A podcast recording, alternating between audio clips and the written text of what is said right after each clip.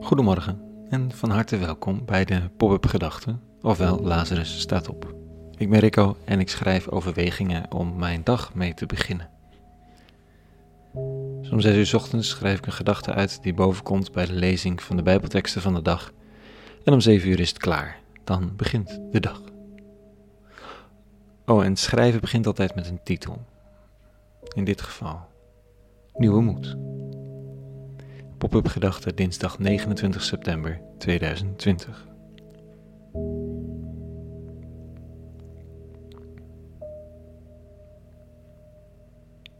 Moed is een interessant fenomeen. We willen het allemaal wel hebben. Wie wil er nou laf zijn? We willen graag dat de mensen om ons heen het hebben. De moed om ons te confronteren, de moed om te zeggen wat je op je lever hebt, de moed om in actie te komen als de situatie erom vraagt. Het is echt wel balen als iedereen om je heen de moed niet lijkt te hebben. Een deprimerend idee. Mm, moed hebben betekent ook dat er iets staat te wachten waar je niet op zit te wachten. Moed betekent dat er shit aan staat te komen die je moet overwinnen. Moed hebben betekent dat je iets gaat doen, zeggen, ondernemen wat mogelijk mis kan gaan. Bij moed hoort angst. Tenminste, in mijn leven dan.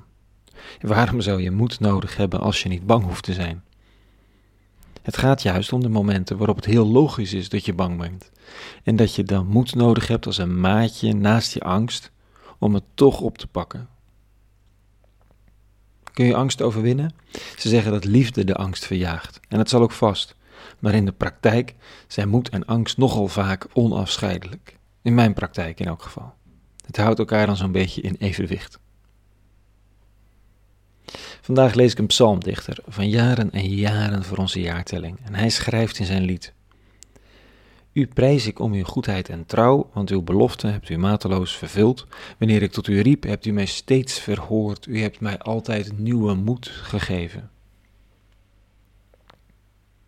De eerste zinnen zijn echt lekker rustgevend. Blijkbaar is er goedheid en trouw, precies zoals beloofd en dan nog wat meer.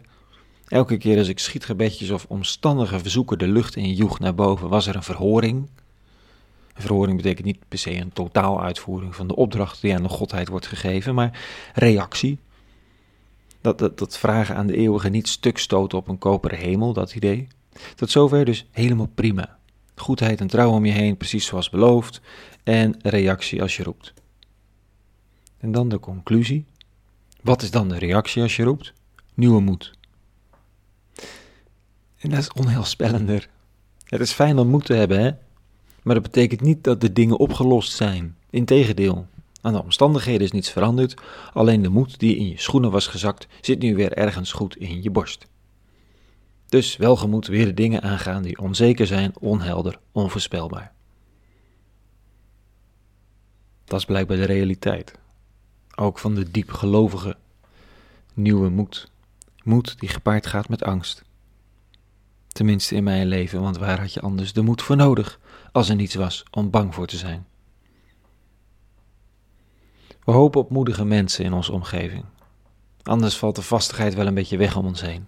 Onze omgeving hoopt dat wij moedige mensen zijn, omdat het belangrijk is om op elkaar aan te kunnen. En dat we dat niet altijd zijn, mogen duidelijk zijn. Te weinig moed om de ander in de ogen te kijken, te weinig moed om mezelf onder ogen te komen, te weinig moed om te erkennen dat ik er eigenlijk niets meer van geloof. Te weinig moed om op te biechten dat ik eigenlijk hartstikke bang of onzeker ben. Moed ziet er niet altijd moedig uit. Het trilt en het beeft en snottert en stottert heel vaak. Maar oei, wat hebben we moed nodig? Wel nu, blijkbaar heeft de eeuwige het op voorraad. Moed. En hoefde de psalmdichter er maar om te vragen. Dat vind ik wel een fijn idee.